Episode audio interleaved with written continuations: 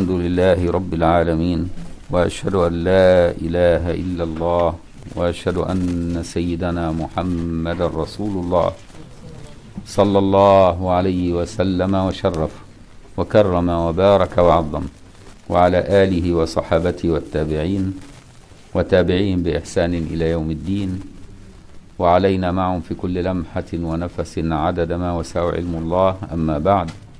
نكمل قراءة وشرح كتاب الرسالة القشيرية للإمام عبد الكريم القشيري رحمه الله تعالى ونفعنا الله بعلومه وعلوم مشايخه وتلامذته وقراء مصنفاته وشراحها في الدارين آمين.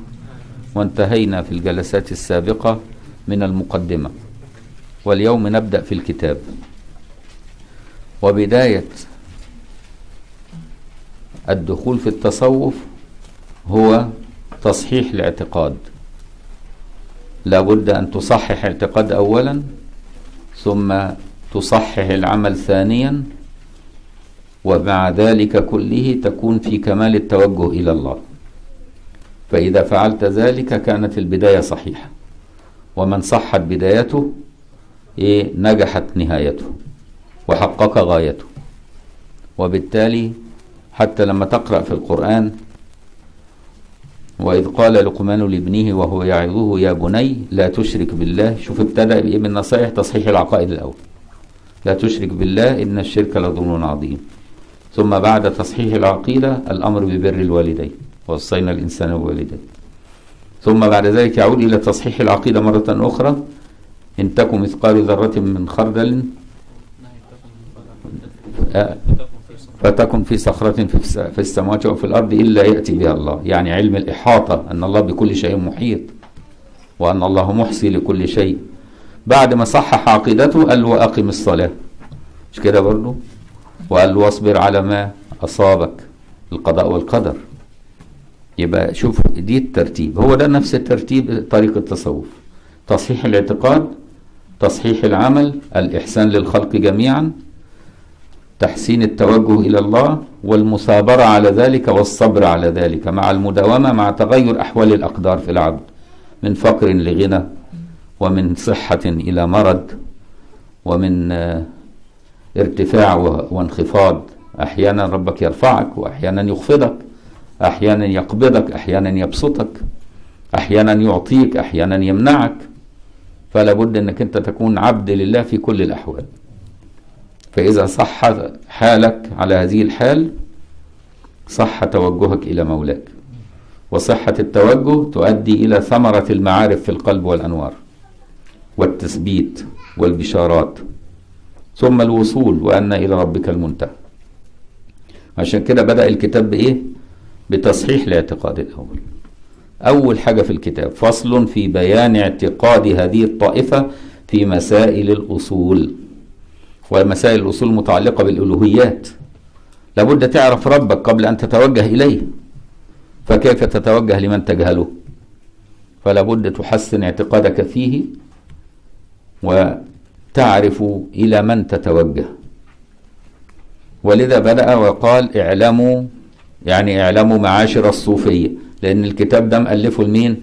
للصوفية مش لسائر الأمة. يبقى الكتاب ده موجه لطائفة معينة من الأمة وهي طائفة الصوفية ومن أراد أن ينتسب إليه.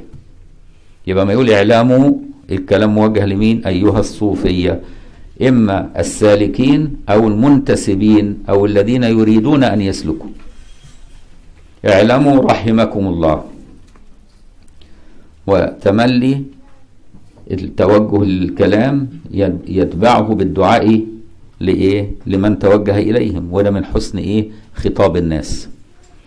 يعني ساعات إحنا حتى في كلامنا العادي تقول له إيه ربنا يرحم والديك يا ابني حاول تساعدني في الموضوع الفلاني تبتدي الأول بدعاء له قبل أن تطلب منه الخدمة. فدي عادة المسلمين في خطاباتهم لبعضهم البعض. تبدأ بالدعاء ثم بعد ذلك التكاليف وإيه؟ والمواضيع الهامة. اعلموا رحمكم الله أن شيوخ هذه الطائفة بنوا قواعد أمرهم على أصول صحيحة في التوحيد. الشيوخ هم القائمين على الايه على التربية. يبقى الشيوخ هم القائمين على التربية. بنوا قواعد أمرهم وقواعد الأمر يعني ما أسس عليه وقعد عليه وإيه؟ وثبت به. على أصول صحيحة في التوحيد. أصول صحيحة في التوحيد يعني قواعد صحيحة في التوحيد في التوحيد أي في معرفة مولاهم بحيث أنهم إذا وحدوا الله وحدوا الجهة. وإذا وحدوا الجهة صدقوا في العزيمة. وإذا صدقوا في العزيمة صحت النية. وإذا صحت النية صح العمل. على أصول صحيحة في التوحيد صانوا بها عقائدهم عن البدع وهي البدع جمع بدعة والبدعة هو كل ما لا أصل له في الدين. يبقى إيه؟ دي تعريف البدعة كل ما لا أصل له في الدين يبقى بدعة منبوذة. واضح؟ لكن لو كان شيء مستحدث وله أصل في الدين يحقق مقاصد الدين فهو سنة حسن. يبقى كل ما كان مستحدثا لأن أصل بدعة هي كل مستحدث فإن كان له أصل في الدين فحكمه حكم من درج في أصله. إن كان الأصل واجب تبقى بدعة واجبة زي بدعة جمع القرآن في عصر الصحابة. لم يجمعه النبي في عصره. اسمها بدعة لأن لم تكن في عصر النبي. لكن الله أمرنا بحفظ القرآن فهو فقط أصل في الدين فصارت بدعة واجبة. يعني بدعة جمع القرآن وطبع القرآن وأمر المسلمين الذين عندهم نسخ غير كاملة من القرآن أن يحرقوها في عصر سيدنا عثمان لم يفعل ذلك النبي. كل هذه أمور مستحدثة. لكنها كانت واجبة لأنها حققت المحافظة على القرآن. بدعة مثلا تحسين بناء المساجد وتوسعة المساجد وجعل الميضاءات ملحقات بالمساجد لأن الميضاءة ضروري للوضوء للاستعداد للصلاة لم يكن أيام النبي في ميضاءة ملحقة بالمسجد.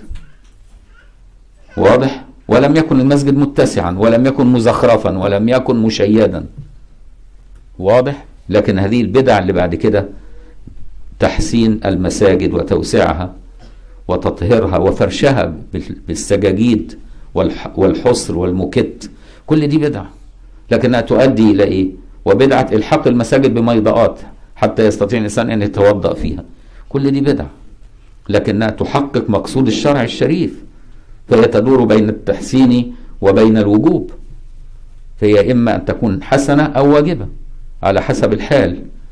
وبالتالي ليس كل شيء مستحدث يكون منبوذا إلا إذا كان مخالف لأصول الدين أو لشرع الله. هذه كلمة البدع. لماذا طولنا في هذا الموضوع؟ لأن الوهابية شوشوا على الناس. فجعلوا كل ما لم يفعله النبي إيه؟ وكل شيء مستحدث بغض النظر عن أصله الذي يرد إليه إيه؟ يجب نبذه. ولكن الفقهاء على خلاف ذلك فمذهبهم مذهب بعيد عن مذاهب الفقهاء. وعلى كده لابد أن يكون البدع في العقائد أشد وأخطر من البدع في الأعمال وفي الفروع. البدع في العقيدة كمان أخطر وأشد. وعشان كده بيقول إيه هنا؟ صانوا بها عقائدهم. صانوا يعني حفظوا واحتاطوا ونقوا فالصيانة تكون بالحفظ وبالرعاية وبالعناية. عقائدهم والعقيدة هو ما عقده القلب يعني ما استقر في القلب وعقدت عليه. عقدت عليه يعني إيه؟ أصبح شيء غير قابل للمناقشة. بعدما استقر في قلبك صار غير قابل للمناقشة كأنك تشهده. وعشان كده أول الدخول في الإسلام بتصير العقيدة تقول أشهد ما تقولش أعلمه كمان. لأن ما شهدته يكون اعتقادك فيه أشد مما علمته. لأن الشهادة لا تفتقر لدليل. أما الشيء الغائب فهو الذي يفتقر لدليل. فشوف أنت بتدخل في الإسلام من أعلى الدرجات. تقول أشهد أن لا إله إلا الله. ما تقولش أعلم أن لا إله إلا الله. وأن محمد رسول الله. يعني لو واحد قال أعلم أن لا إلا الله محمد رسول الله وهو لسه خارج عن الإسلام نقول له لا قل أشهد لتدخل في الإسلام. لأن الشهادة أعلى من العلم. العلم يفتقر لدليل والشهادة مستغنية عن الدليل لكمال المعاينة. واضح؟ وعلشان كده لما شهدت الأمر عقدته في قلبك فصار عقيدة في قلبك أنه لا إله إلا الله وأن محمد رسول الله. هذا الأمر غير قابل للمناقشة. صار عقيدة عقدت عليه يعني عقدت عليه في قلبك حيث أنه صار لا يفتقر لدليل لكمال المعاينة والمعايشة. صانوا عقائدهم عن البدعة ودانوا بما وجدوا عليه السلف دانوا هنا يعني تدينوا وتخلقوا. دانوا بمعنى تدينوا وتخلقوا. عشان كده الدين له معنى الدين اللي هو الملة وله معنى الدين اللي هو العادة. وإيه والخلق. يبقى الدين له معنيان. الدين بمعنى الملة والدين بمعنى إيه؟ الأخلاق والعادات والسلوكيات. ودانوا بما وجدوا عليه السلف أهل السنة أي من حسن الاعتقاد وإيه؟ وصحة العمل. من حسن الاعتقاد وح... إيه؟ وصحة العمل. أدي اللي كان عليه سلف الأمة. حسن اعتقاد وصحة في العمل ومداومة عليه حتى ماتوا. من توحيد ليس فيه تمثيل. لابد أن توحد الله بقى. ب... بشيء بتوحيد ليس فيه تمثيل يعني تشبيه. لا تظن أن الله له مثل أو له مثيل. لأن المثيل ولو كان في الخيال فالخيال مخلوق. ويستحيل أن يكون المخلوق يدرك الخالق. حتى خيالك مهما سبحت في دائرة الخيال والوهم الله فوق ذلك والله على خلاف ذلك. واضح؟ لماذا؟ لأن الخيال أيضا مخلوق والمتصور في مخ في عقلك مخلوق فالله لا يتصور. والله لا يتخيل وطالما لا يتخيل ولا يتصور يبقى لا مثل له.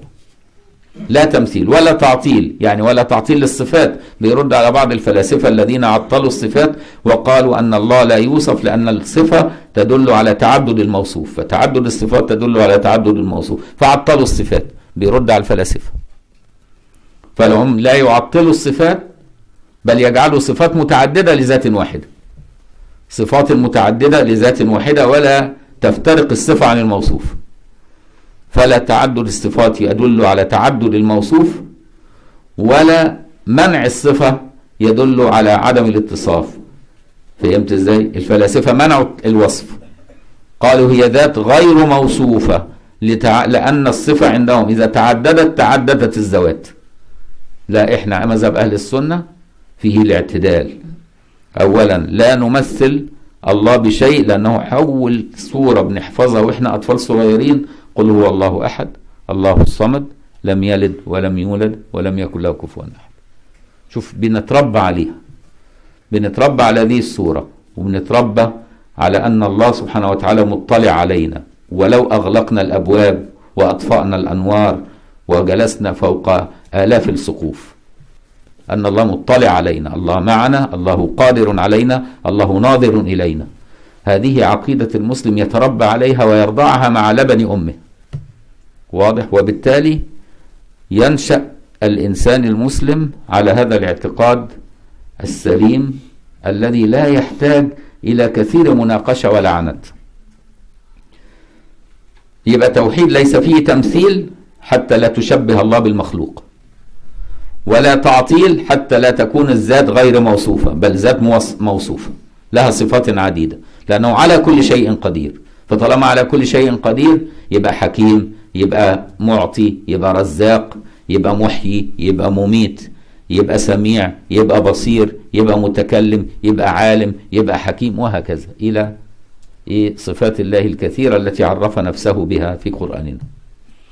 وعرفوا ما هم ما هو حق القدم. عرفوا ما هو إيه؟ حق القدم. القدم اللي هو إيه؟ قدم حقيقي يعني لا بداية له. يعني لا بداية له يعني إيه؟ يعني ليس متولدا من شيء. ادي القدم الحقيقي في قدم ذاتي يعني لا تسبقه ذات. وقدم زماني لا يسبقه زمان. وقدم إضافي يعني صفاته مهما تعددت فهي أكبر من صفات من تتصف بها من خلقه. فإذا قلت أنك كريم والله كريم. والنبي كريم. صفة واحدة وصفت بها الله وصفت بها النبي وصفت بها نفسك. أو المخلوق الإنسان العادي. تقول فلان كريم ورسول الله كريم وربنا كريم. صفة واحدة. لكن هذه الصفة تختلف وإن كان في ظاهرها واحدة إلا أنها تختلف بحسب إضافتها للمضاف إليه. فمرتبتها تختلف. مرتبة الكرم إذا وصف بها الله فمرتبة تليق بالله ومقامه. وإذا وصف بها النبي تليق بمقام المخلوق الكامل. وإذا وصف بها غير الكامل تليق بمرتبة مرتبة المخلوق غير الكامل اللي هو أنا وأنت. واضح؟ وبالتالي يبقى في حاجة اسمها إيه؟ قدم إضافي وقدم ذاتي وقدم مكاني. يتحقق ذلك كله في الله. واضح؟ الله قديم قدم ذاتي يعني لم يسبقه ذات. واضح؟ أدي القدم الذاتي. لأن لو سبقه ذات لأدى إلى التسلسل. طب ومن هذه الذات التي سبقت الله؟ من الذي أوجدها؟ ذات قبلها. طب ومن الذي أوجد الذات التي قبلها؟ ذات قبلها. ومن الذي أوجد قبل قبل التي قبلها؟ ذات قبل وهكذا يسمى تسلسل. والتسلسل محال عقلي. ليه؟ لأن كل شيء لابد أن يكون له بداية. وهذه البداية تكون بداية البدايات ولا بداية لها وإلا احتار العقل ووقف عن الفكر وتوقف طريقة الإدراك. والله خلق العقل لنصل به إليه وبالتالي التسلسل محال عقلي. فلا بد أن يكون هناك قديم بذاته لا ذات قبله.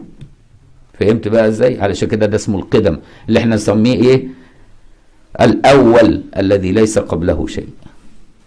كما أنه هو الآخر الذي ليس بعده شيء. واضح؟ علشان كده يقول لك وعرفوا ما هو حق القدم. طبعا أنت عارف إن الفلاسفة بعض الفلاسفة وبعض علماء المسلمين انخدعوا بكثرة اطلاعهم على كتب الفلاسفة وقالوا بقدم العوالم. قالوا إيه؟ بقدم العوالم.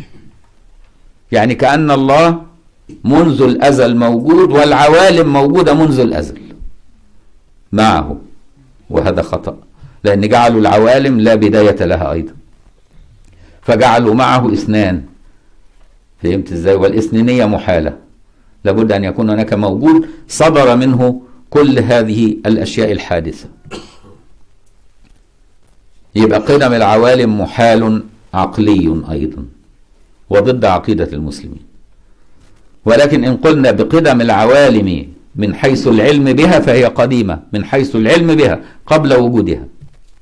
فهي معلومة في علم الله قبل وجودها فلها وجه قديم إذا ربطتها بعلم الله ولا وجه حادث إذا ربطها بالوجود والتعين. واضح؟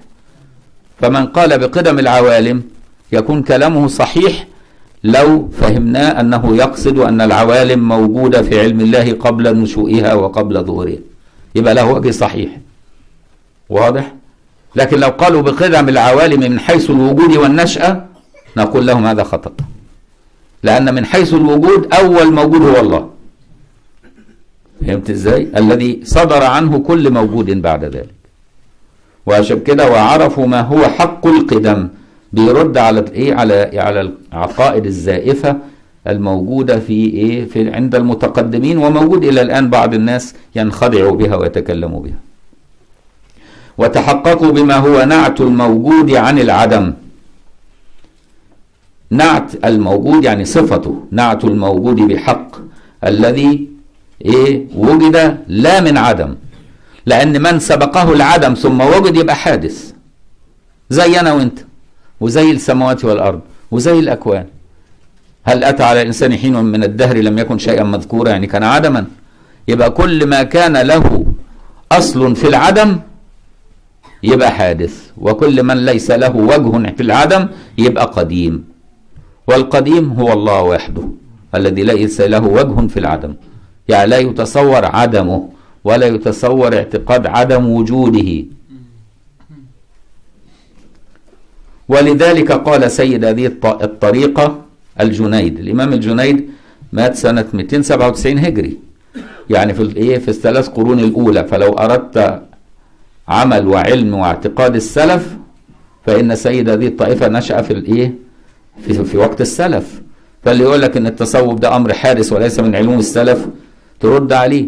ده علماء هذه ال ال هذا التصوف الذي معناه السلوك إلى الله باعتقاد سليم وعمل مطابق لله ورسول لعمل النبي صلى الله عليه وسلم صحيح والمداومة على ذلك مع مراقبة النفس وتحسين العلائق. فإذا قصدت به ذلك فالتصوف نشأ مع بعثة النبي بل قبل بعثة النبي.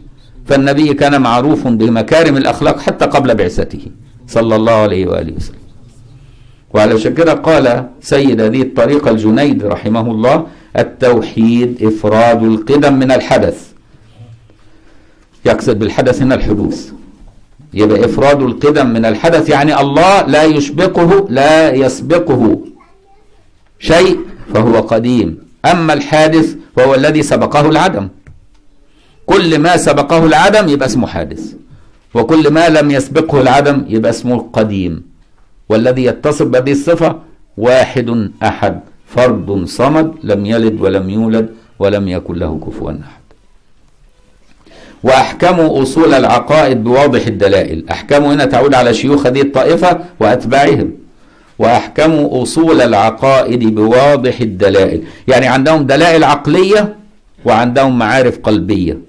الدلائل العقلية التي تدلهم على أن الله واحد وأنه لا يشبه الحوادث. بواضح الدلائل. ولائح الشواهد. ولائح الشواهد والشواهد علوم قلبية معارف قلبية. يبقى عندهم أدلة عقلية ومعارف قلبية تدل على أن الله لا يشبهه شيء ولا يكن له كفوا أحد وأنه كان لا من علة. كان لا من علة. وأحكم أصول العقائد بواضح الدلائل ولائح الشواهد. شفت؟ يبقى عندنا إيه؟ تعرف ربك بحاجتين بدلائل عقلية وبمعارف قلبية. بدلائل عقلية ومعارف. المعارف القلبية قد تسبق الدلائل العقلية عند بعض الناس وهم أهل الخصوص. زي ما سألوا سيدنا علي كيف عرفت ربك؟ ما قالش دلائل عقلية قال عرفت ربي بربي ولولا ربي ما عرفت ربي. لماذا؟ لأن الدلائل العقلية مخلوقة فهل يكون لها من الظهور ما ليس لله الظاهر حتى تدل عليه؟ ما استمد ظهورها إلا من ظهور الظاهر فيها فهي الدلائل مفتقرة والله غير مفتقر. وعلشان كده هناك من من أهل الإيمان يبدأ إيمانه قلبي قبل أن يكون عقلي. وهناك من أهل الإيمان من يبدأ إيمانه عقلي ثم بعد ذلك يرتقي إلى إيمان القلب. واضح؟ يبقى الدلائل العقلية أنك تصل إلى الله بأثر العوالم. زي ما قال لنا في القرآن خلق سبع سماوات ومن الأرض مثلهن يتنزل الأمر بينهن لتعلموا أن الله على كل شيء قدير. يعني ذاك الدلائل في الخلق ده كله لتعلم من خلال هذه الدلائل أن الله على كل شيء قدير. وأن الله قد أحاط بكل شيء علما. وتيجي لأهل الإيمان الذين عرفوا الله ولم ينظروا لغيره قل الله ثم ذرهم في خوضهم يلعبون. لأن الدلائل قد قد تخطئ المدلول إذا كان هناك خلل في العقل بسبب الهوى. أما المعارف القلبية فلا تخطئ. يبقى هناك من يعرف ربه بربه وهناك من يعرف ربه بعقله ثم يرتقي فيصير يعرفه بقلبه. والمعرفة القلبية هي التي عليها المدار والتي عليها حسن الخاتمة. عشان كده راعى المرتبتين. بواضح الدلائل زي الأعرابي كيف عرفت ربك؟ قال سماء ذات إيه؟ بروج وصحاري ذات فجاج و و والبعر تدل على البعير والأثر يدل على المسير. أفلا يدل ذلك على ذات العليم الخبير؟ يعني وصل بالدلائل العقلية على أن هناك إيه محرك لهذه المتحركات وموجد لهذه الموجودات وفاعل لهذه المفعولات بالدلائل العقلية. يبقى ده أدي إيه؟ أدي بواضح الدلائل. وشوا... ولوائح الشواهد عرفت ربي بربي ولولا عرفت ربي ما عرفت ربي. يكون مفطور على معرفة الله كده. بحيث أنه لا يتصور أن الله يحتاج لدليل حتى يدل عليه. كما قال أبو محمد الجريري رحمه الله وده توفي سنة 311 هجري. محمد الجريري. يعني إحنا بنتكلم في علوم وإشارات نشأت في العصور الأولى عصور السلف حتى لا يقول أن التصوف أمر مبتدع في الدين أبدا. بالعكس التصوف إذا كان هو السلوك الحق فالذي جاء به رسول الله لأنه هو الذي علمنا السلوك الحق والتوجه الحق وأن النية تكون لله وحده. كما قال أبو محمد الجريري رحمه الله من لم يقف على علم التوحيد بشاهد من شواهد من شواهده زلت به قدم الغرور في مهواة من التلف. يعني إذا كنت عرفت الله بغير دليل إما قلبي أو عقلي فأنت على خطر عظيم من أنك في يوم من الأيام ممكن تصيبك شبهة أو يزل قدمك أو تحيد عن المعرفة فتصل إلى درجة إيه؟ سوء الخاتمة فلا بد في التوحيد أن يكون عندك شواهد ودلائل تمنعك من الوقوع في هذه المزلات والزلات. واضح؟ ولو يكون أدلة عامة مش شرط زي أدلة المتكلمين لأن مش مطلوب من كل عوام المسلمين يعرفوا أدلة المتكلمين. مش مطلوب هذا. لكن يكفي الدليل الإجمالي دليل الأعراب البسيط. أني لم أخلق نفسي. شوف ربنا قال لنا دليل الإعراب البسيط أم خلقوا من غير شيء أم هم الخالقون؟ أم خلقوا السماوات والأرض بل لا يوقنون. يعني ربنا بيقول لك أنت خلقت السماوات والأرض ولا ادعيت أنك خلقت نفسك ولا ادعت السماوات والأرض أنها خلقت نفسها. من أوجدها؟ فهمت إزاي؟ فده دليل يكفي. يعني كل مسلم حافظ للقرآن وحافظ للآيات عنده دليل إجمالي واضح أن الله موجود. يبقى إيه؟ يبقى لكن التقليد في العقائد دون دليل ولو إجمالي يكون إيه يؤدي إلى سهولة دخول الشبهة في القلب وإيه وترك هذا الأمر. وكثير من المسلمين سمعنا عنهم اللي كانوا دخلوا في هذا الدين بغير علم أو بعاطفة أو بهوى ماتوا على غير الإسلام. واضح؟ كتير بنشوف. حتى بعض الناس حفظوا القرآن وماتوا على غير الإسلام. لأنه لم يوطد معرفته من خلال هذه الآيات بمعرفة الله. بل حفظ الآيات على صورة ترانيم صوتية أكثر منها معاني ذوقية في قلبه يشعر به. عشان كده بيقول لك إيه؟ من لم يقف على علم التوحيد بشاهد يعني بدليل من شواهده أي من أدلته سواء كانت أدلة قلبية وهي معارف وأنوار في القلب أو أدلة عقلية تؤدي إلى المدلول. زلت به قدم الغرور في مهواة من التلف والمهواة اللي هو إيه؟ من هوى يعني سقط من إيه؟ من من ارتفاع. لأن الإيمان مقامه عالي فإن تركه كأنما سقط إلى الحضيض في مهواة من التلف وهو الكفر. يريد بذلك أن من ركن إلى التقليد أي في علم التقليد في علم في, في الفروع لا بأس به. التقليد في الفروع. هتصلي إزاي؟ تتوضى إزاي؟ إيه هي حدود العورة والتفاصيل الأعمال في البيوع وفي الشراء وفي الأحكام الفرعية؟ كل دي لك أن تقلد فيها بلا بأس ولا يصيبك ضرر.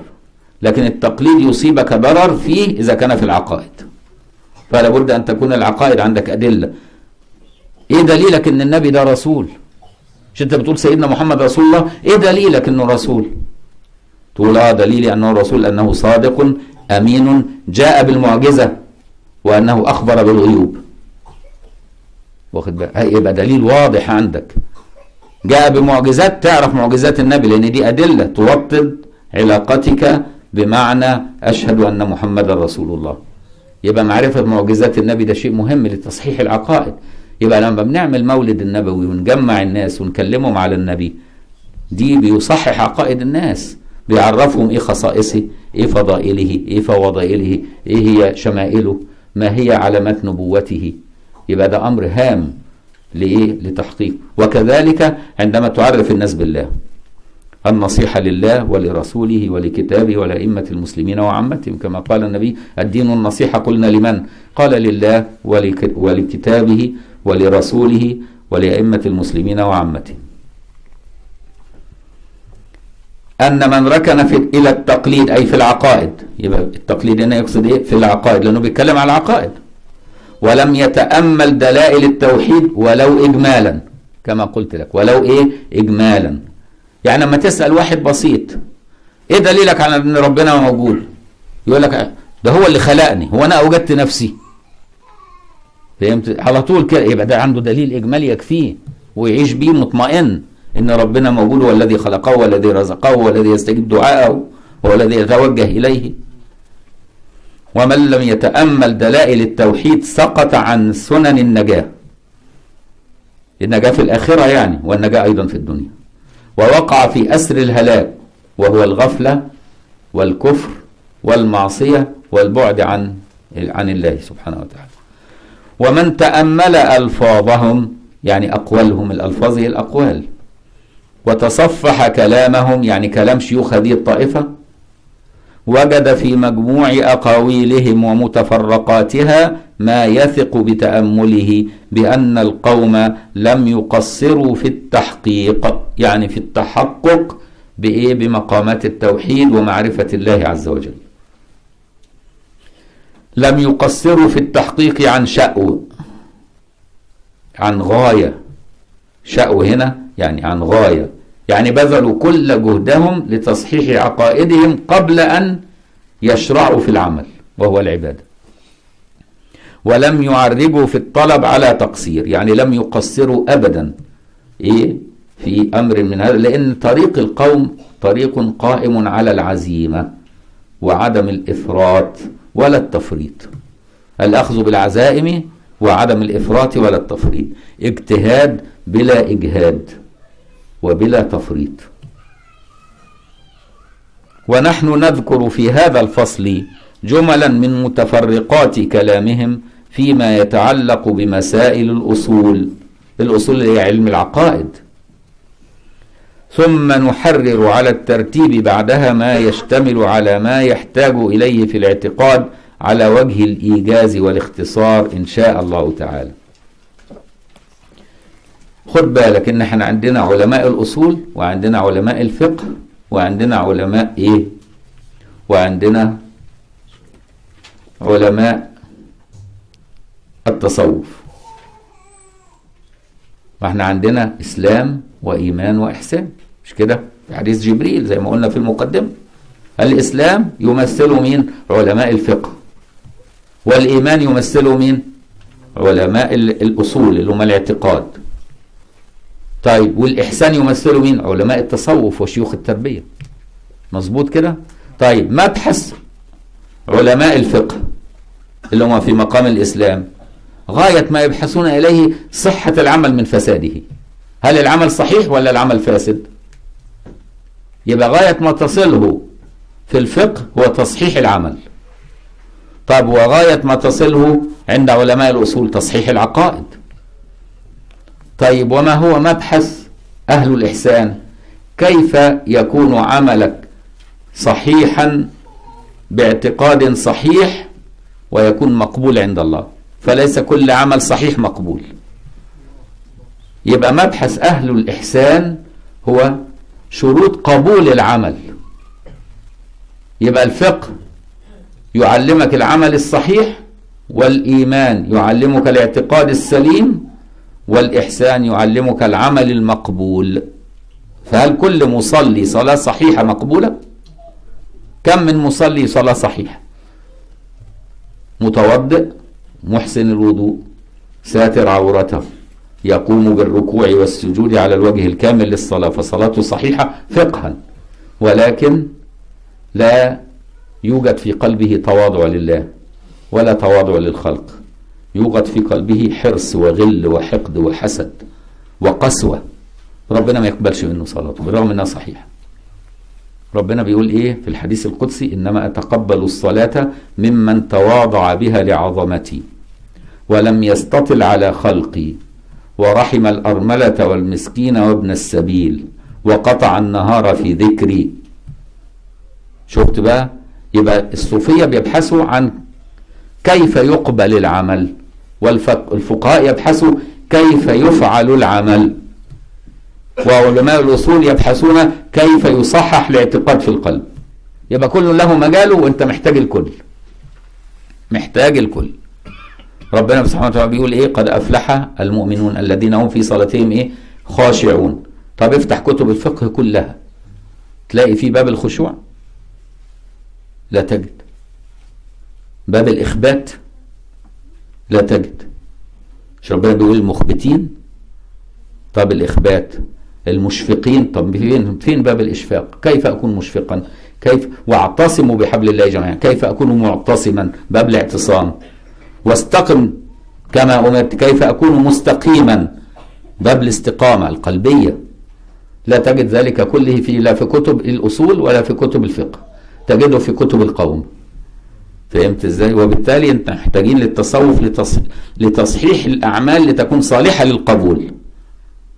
فقال من عمل صحيح فقها غير مقبول عند الله. واضح؟ ثم نحرر على الترتيب بعدها ما يشتمل على ما يحتاج إليه في الاعتقاد الاعتقاد ما وقر في القلب. على وجه الإيجاز الإيجاز يعني إيه؟ يعني عدم التطويل. يبقى الإيجاز إحنا عندنا في إيجاز اللي هو الاختصار وفي عندنا يعني في علوم البيان يقول لك إيه؟ في حاجة اسمها إطناب إيجاز. وإيجاز ومساواة. والمساواة. مش كده برضو؟ المساواة يبقى الكلام يساوي معناه لا بزيادة ولا بنقصان والإيجاز المعنى أوسع من الكلام. يبقى كلام قليل والمعنى والإطناب الكلام أوسع من المعنى. يعني يبقى معنى واحد يقعد يوسع لك فيه يكلمك فيه عشر صفحات وهو معنى واحد. ده اسمه الإطناب. فالإيجاز نوع من الاختصار الذي يكون فيه الكلام على قدر المعنى المراد حتى لا يشوش عليك الأمور ولا يقصر في الإيضاح. فهمت إزاي؟ عشان كده يقول لك إيه؟ إيجاز في إعجاز. يقول لك القرآن ده إيه؟ إيجاز في إعجاز. يعني ما فيهوش حواشي كتير. تعرفش ت- ت- تشيل كلمة وتقول أنا هختصر القرآن. المختصر المفيد في القرآن الكريم. ما ينفعش. ليه؟ لأن ما فيهوش كلمة زائده خالص. ليه؟ لأنه إيجاز في إعجاز. وما تقدرش تقول إن القرآن فيه إطناب. اطناب يعني الكلام زيادة يعني ممكن تشيل كلام ويفضل المعنى مستقيم ما تعرفش. القرآن ما تعرفش تعمل فيه كده. وعلشان كده الإيجاز هو أبلغ الكلام الإيجاز. على وجه الإيجاز والاختصار والاختصار هنا كأنه عطف تفسير للإيجاز. إن شاء الله تعالى. قال سمعت الشيخ أبا عبد الرحمن محمد بن الحسين السلمي رحمه الله تعالى ده مات سنة 412 هجري. يعني إحنا شغالين في القرون الأولى. أيام أجداد الأجداد. رحمه الله يقول سمعت عبد الله بن موسى السلمي يقول سمعت أبا بكر الشبلي. وأبو بكر الشبلي ده موجود في بغداد توفي سنة 334 هجري. وربنا كرمني وزرت في مقامه. والله مقامه كأنه روضة. لا تحب أن تخرج منه. في مقامه في بغداد. ربنا سبحانه وتعالى يعيد إليها إيه ال- الهدوء والأمن والأمان. سمعت أبا بكر الشبلي يقول الواحد المعروف قبل الحدود وقبل الحروف. يا سلام على الكلام. كلام إجازة أهو واضح. الواحد المعروف يعني هو معروف لا يحتاج إلى تعريف. عشان يجيب لك إنه إيه؟ إنه مش محتاج لدليل ده معروف. فكلمة معروف دي الواحد المعروف دليل إنه لا يفتقر لدليل. لأنه دول أهل القلوب بقى بيتكلموا والقلوب تكلم القلوب. فلما يجي كلام خارج من القلب صحيح يدخل قلبك ولا تسأل عن دليل. ما تحسش إنك أنت إيه قلقان وعايز تسأل عن الدليل ليه؟ لأنه ده حاجة معروفة. يقول الواحد المعروف قبل الحدود. الحدود اللي هي إيه؟ الحدود اللي هي الجهات الزمنية والمكانية. مش كده برضو؟ والصفاتية. كل دي اسمها حدود. وتصدق بقى إن في كتاب لابن تيمية اسمه إثبات الحد إلى الله. عشان تعرف قد إيه هو كان بعيد عن هذا الكلام. إثبات الحد إلى الله. يعني عايز يثبت إن الله له حد. رحمه الله. وربنا يغفر له ويغفر لمن تبعه. لكن الله سبحانه وتعالى هو الذي خلق الحدود. فكيف تحده الحدود؟ فلا يحده زمان ولا يحده مكان ولا يحده صفة ولا يحده كيف؟ ولا وصف. لأن كل هذه الأشياء كلها مخلوقة والله يحيط بها والله بكل شيء محيط. ولا يحاط به علما. شوف القرآن يقول إيه؟ ولا يحاط به علما. فكيف يكون الشيء المحاط به يحيط بالمحيط؟ مستحيل عقلي. فهمت بقى؟ ده؟ وبالتالي الله كان قبل الحدود ولا يحده حد بل هو الذي خلق الحدود والقيود. المعروف قبل الحدود وقبل الحروف. حتى الحروف وهي الكلمات التي تصفه فهو إيه؟ كان قبلها موجود. على اعتبار أن اللغة حادثة. والله كلمنا بلغة. كلمنا باللغة العربية.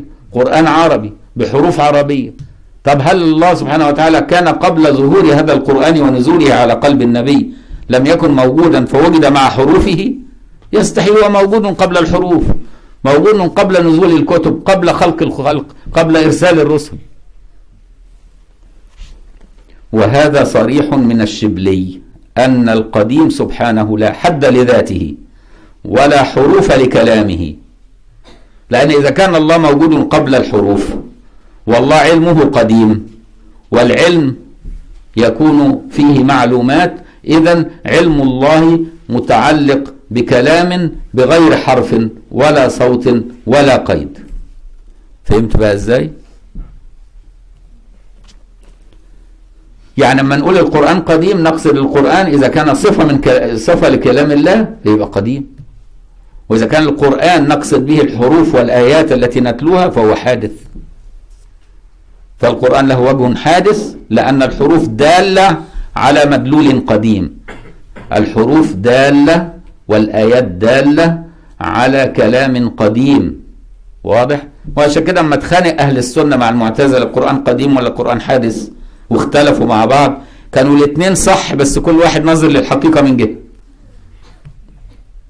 وبعدين لما قعدوا يختلفوا مع بعض 200 سنة يتخانقوا وبعدين بعد كده لما قعدوا هديوا وبطلوا خناقات. قالوا إيه ده؟ بنضرب بعض على إيه ما هو كده صح وكده صح. المعتزلة يقصدوا القرآن المكتوب المنطوق.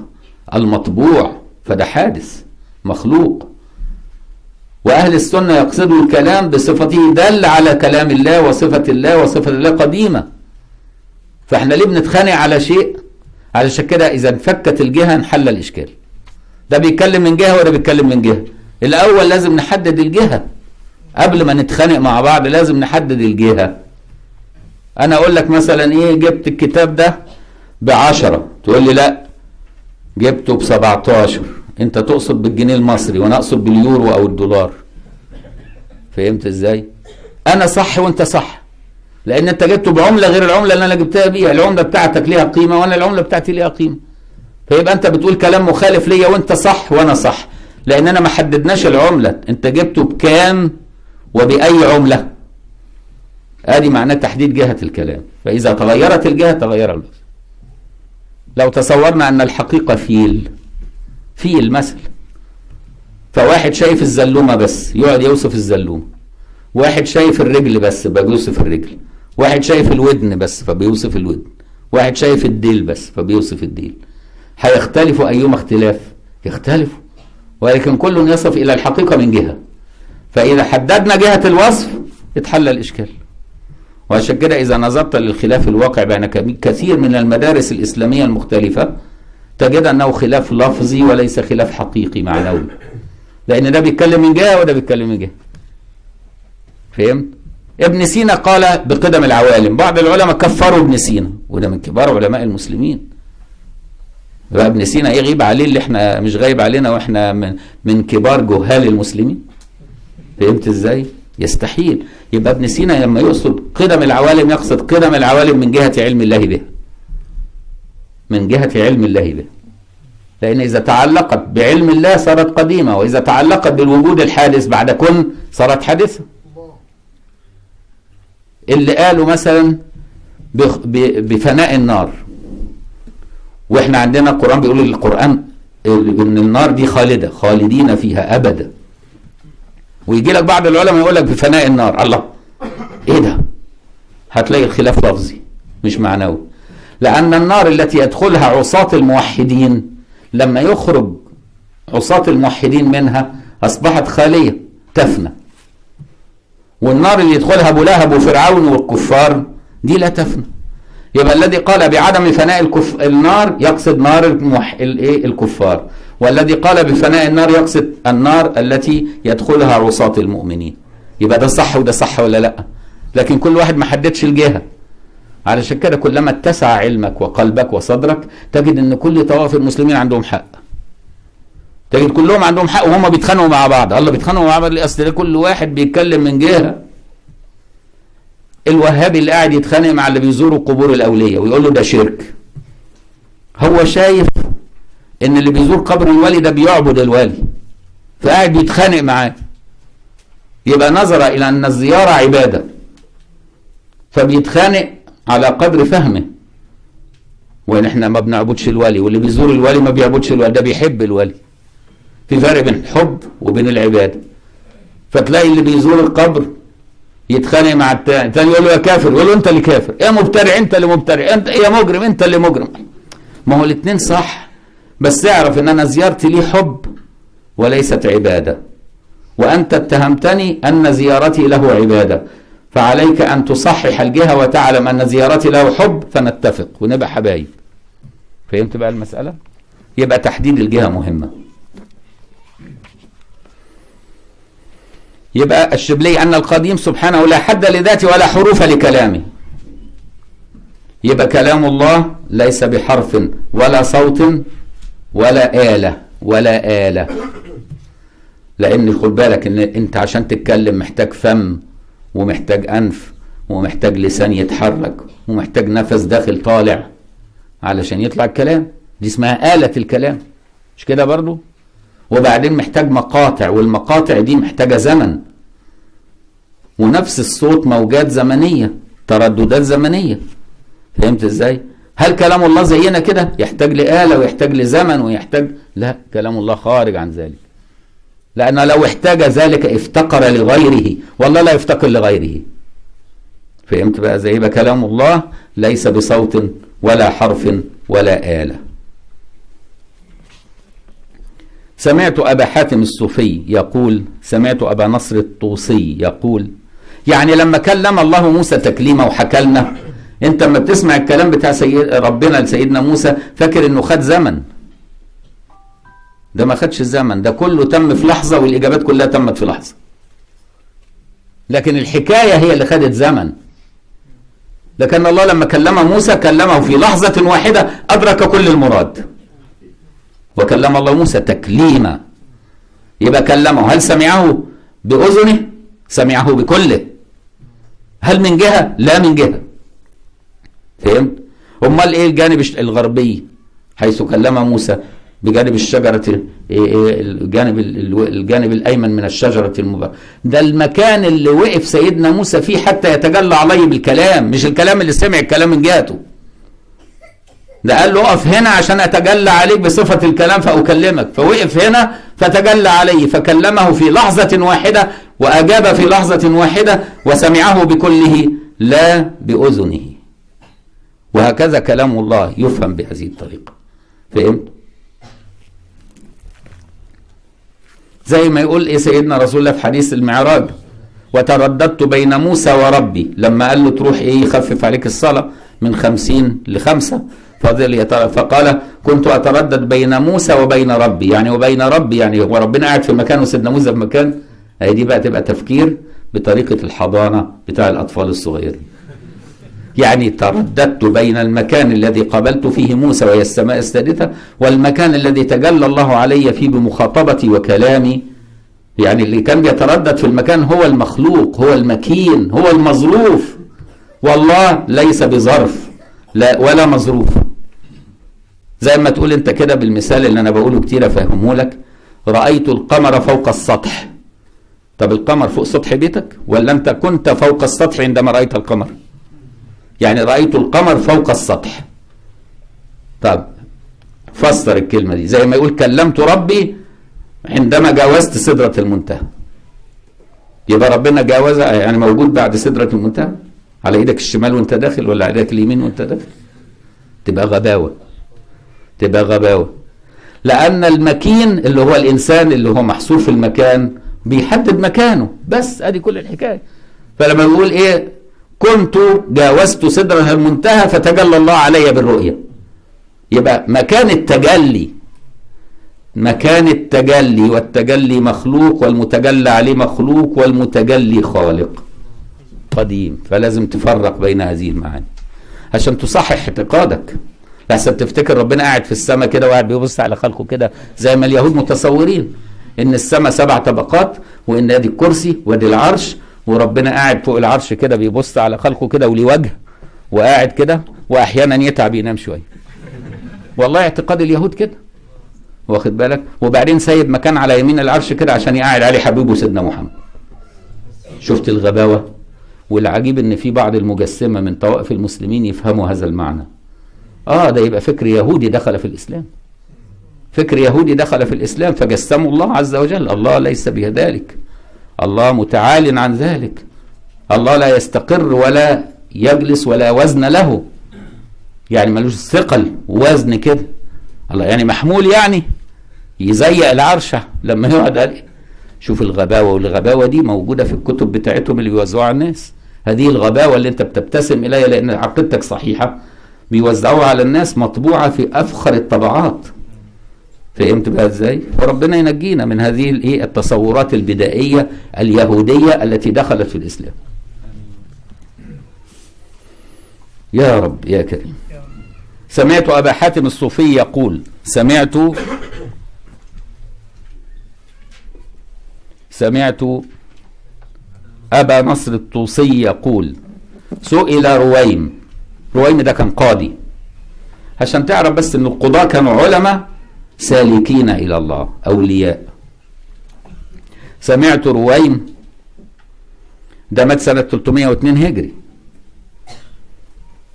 سمعت رويم عن أول فرض افترضه الله عز وجل على خلقه ما هو فقال المعرفة. لقوله جل ذكره وما خلقت الجن والإنس إلا ليعبدون قال ابن عباس إلا ليعرفون. وعشان كده إيه؟ من عرف ربه فقد عرف نفسه. الحديث كده لكن إيه الصوفية زودوا عليه كلمة الناس فاكرة إن بقية الحديث الباقي ده بقي هو حديث. لا من عرف ربه عرف نفسه. الصوفية زادوا قالوا ومن عرف نفسه عرف ربه. على سبيل الايه المخالفة يعني. يعني من عرف نفسه بالعجز عرف نفس ربه بالقدرة. من عرف نفسه بالحدوث عرف ربه بالقدم. من عرف ربه بالعلم عرف نفسه بالجهل. فهمت؟ من عرف ربه بالذكر والحكمة والإحاطة عرف نفسه بالغفلة. وبالتالي بقى إذا عرفت صفات نفسك عرفت أن الله على خلاف ذلك. وقال الجنيد إن أول ما يحتاج إليه العبد من عقد الحكمة معرفة المصنوع صانعه المصنوع اللي هو إحنا. مش كده برضو؟ إحنا المفعول إحنا المخلوق. مخلوق مصنوع. فهمت إزاي؟ يبقى لابد أن يعرف المصنوع صانعه. من أوجده؟ دي أول حاجة. والمحدث كيف كان إحداثه؟ المحدث يعني الذي سبقه العدم. يبقى المحدث هو كل من سبقه إيه؟ العدم. كيف كان إحداثه؟ كيف كان وجوده؟ من أوجدني؟ من خلقني؟ من رزقني؟ يقول لك إن اللي وجدني أبويا. طب ومن أوجد أبوك؟ اللي أوجد أبويا جدي. طب من أوجد جد جد أبوك؟ وهكذا تتسلسل إلى الموجود الذي لا علة له وهو الله سبحانه وتعالى. وهل الأب يخلق ابنه؟ فهمت؟ اهو ده بالظبط اللي يقول لك لا اوجدني أبي زي بالظبط النمروز لما قال له أنا أحيي وأميت. يجيب لك واحد يقول له محكوم عليه بالإعدام أديني أمت. واحد تاني محكوم عليه بالإعدام يقول له عفوت عنك أديني أحييته. آه يبقى دي ردود بدائية ضعيفة دليل على خلل في العقل. فهمت بقى؟ والمحدث كيف كان إحداثه؟ فيعرف صفة الخالق من المخلوق. أن هناك فارق بين المخلوق والخالق. وصفة القديم من المحدث والقديم هو من لم يسبقه عدم والمحدث هو كل من سبقه العدم. ويدل ويذل لدعوته يذل لدعوته يعني يعني يخضع لعبادته والدعاء له. ويعترف بوجوب طاعته لأنه هو الذي بيده الأمر كله وإليه يرجع الأمر كله. فإن من لم يعرف مالكه لم يعترف بالملك لمن استوجبه. طالما أنت ما عرفتش إن ربنا يملكك يبقى أنت تتصرف زي ما شئت بقى. ما أنا بقى حر بقيت أنا إله نفسي. لكن لما تعرف إن ربك مالكك تقوم تخاف تنظر إلى المحرمات. لكن لو أنت ظانن إن النظر ده ملكك يا خلاص بص زي ما انت عايز السمع ده ملكك اسمع زي ما انت عايز الكلام ده ملكك اتكلم زي ما انت عايز. لكن لما تعرف ان هذه الأشياء كلها جسمك وحواسك وأعضائك كلها ملكا للذي خلقها فلا بد أن تطوعها على وفق ما أراد وإلا سوف تحاسب. فهمت؟ لابد أن يعرف المملوك مالكه حتى يعطي المالك حقه من الطاعة والإذعان والانقياد والمراقبة. ونقف عند هذا الحد نكمل إن شاء الله يوم الأربعاء القادم. اللهم علمنا ما ينفعنا وانفعنا بما علمتنا وزدنا علما. يسر أمورنا استر عيوبنا بلغنا مما يرضيك آملنا. اللهم حققنا بحقائق أهل القرب واسلك بنا مسالك أهل الجذب. إن الله وملائكته يصلون على النبي. يا أيها الذين آمنوا صلوا عليه وسلموا تسليما. سبحان ربك رب العزة عما يصفون وسلام على المرسلين والحمد لله رب العالمين وجزاكم الله خيرا.